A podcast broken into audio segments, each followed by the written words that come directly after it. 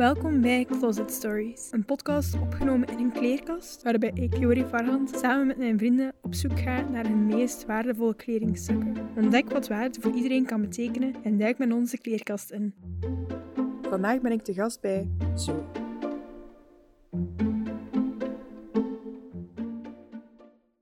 Dag Zoe, hoe gaat het vandaag met jou? Dag Fiore, goed met jou? Ook heel goed, dankjewel om wat te vragen.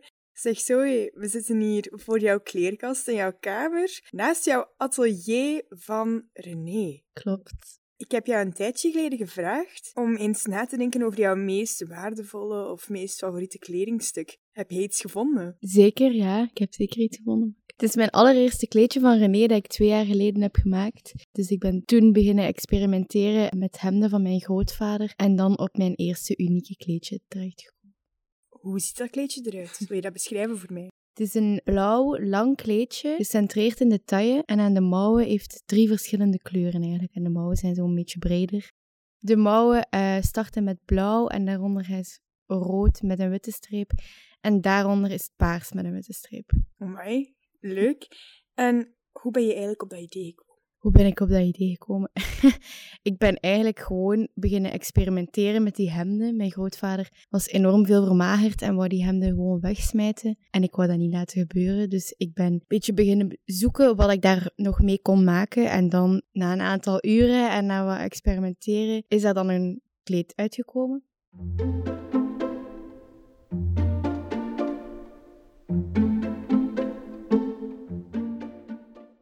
Na dat kleed ben je dat beginnen posten op Instagram. En je hebt daar heel veel reactie uit gekregen, toch? Ja, klopt. Niet net het eerste kleed, maar ik heb drie kleedjes gemaakt. Dan heb ik een post gedaan op mijn Instagram. En dan zijn mensen mij eigenlijk beginnen vragen of dat zij ook zo'n kleedje konden uh, laten maken en konden kopen. Ondertussen, ja, je bent al ver van Instagram DM's geraakt. Mm nu heb je echt een volledige website. Ja, Hoe ja. voelt dat? dat voelt heel goed. Soms nog altijd een beetje ongeloofwaardig dat dat het is eigenlijk een beetje een uit de hand gelopen hobby of een experimentje dat is uitgedraaid tot een, ja, tot een echte kledingbrand.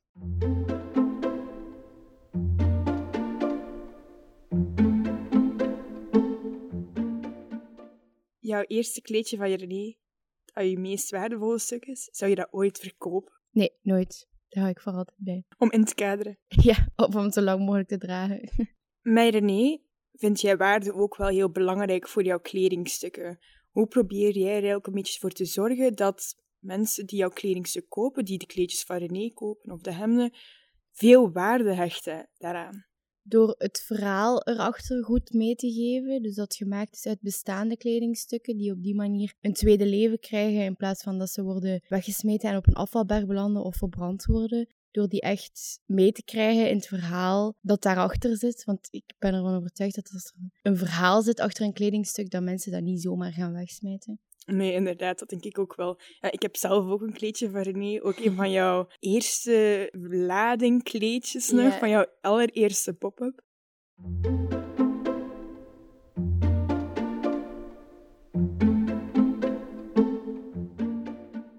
En zeg, Zoe, proficiat, hè? Dankjewel, merci. Jij hebt drie weken geleden de Entrepreneur Awards 2022 gewonnen. Ja, klopt, inderdaad. Ja, ik zat bij jou in het publiek helemaal wild aan het gaan toen ja. wij jouw naam hoorden afgeroepen worden. Ja, dat moet ook echt wel gek geweest zijn, hè, toch? Dat was heel gek en vooral heel overweldigend. Ik had ook totaal niet verwacht dat ik die wedstrijd ging winnen. Ja, en nu de verdere plannen voor René allemaal voor dat eerste kledingstuk, voor dat eerste kleedje. Mm -hmm. Heb je zo een idee waar dat naartoe gaat gaan? Ja, ik hoop dat ik hier mijn fulltime job van kan maken en dat ik hiermee naar het buitenland kan ook en zoveel mogelijk mensen kan warm maken voor mijn verhaal, voor mijn onderneming.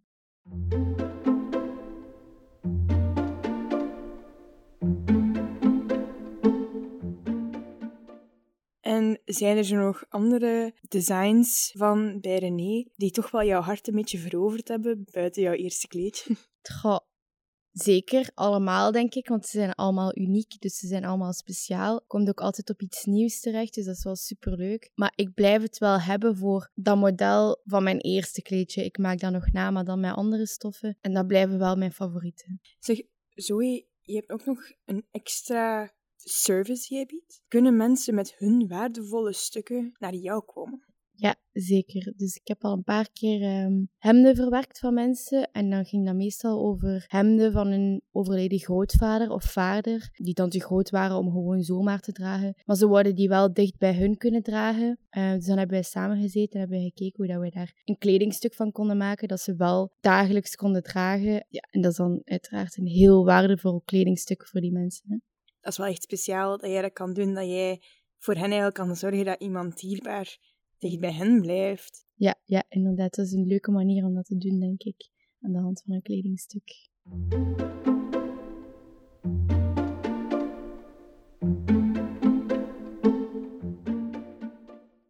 Kun je mij eens meenemen doorheen jouw proces van een kleedje te maken? Ja, dus dat begint bij het zoeken naar mijn grondstoffen. In dit geval dus de hemden, de herenhemden. Ik ga die dan mixen en matchen met elkaar. Daarna ga ik nadenken over welk model dat ik voor ogen zie met die twee hemden. En dan begin ik aan dat model. Maar dat wil niet zeggen dat dat dat model gaat worden. Want gaandeweg kan er nog zoveel veranderen. Want het is en het blijft experimenteren, elk kledingstuk opnieuw. Want ik start aan iets, maar gaandeweg kom ik op zoveel nieuwe ideeën, waardoor dat, dat ja, plotseling tot iets volledig anders kan uitdraaien. Maar dat is super leuk, vind ik, want dat, is al, dat maakt het ook zo uniek. En dan start ik dus met creëren en dan, dan is mijn kleedje klaar. Dus je zei al eerder dat je, als het gaat over waardevolle kledingstukken behouden, dat je daarvoor de hemden gebruikt vooral. Maar zijn er zo andere kledingstukken achteraan jouw kleerkast die jouw oog al hebben gevangen om ze eens aan te pakken en om te zetten in iets dat je waar je meer aan zou hebben, dat je meer zou dragen terug? Mm, eigenlijk niet, moet ik ze eerlijk zeggen.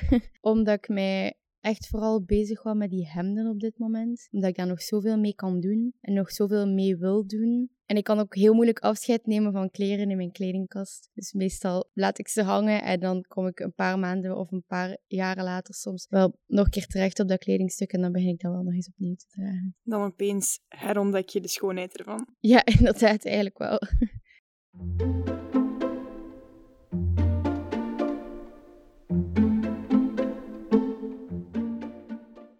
Bedankt om hier met mij samen te zitten. Ik vind het fantastisch wat je allemaal bereikt hebt. Ik ben jouw grootste fan, dat weet je.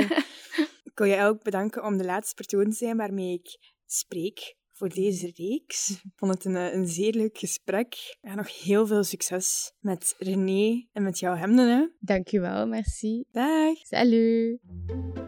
Graag wil ik de luisteraars bedanken om mee te gaan op avontuur achteraan kleerkasten. Ik zie jullie graag terug bij een volgend avontuur. Mijn naam is Fiore Farhand en dit was Closet Stories.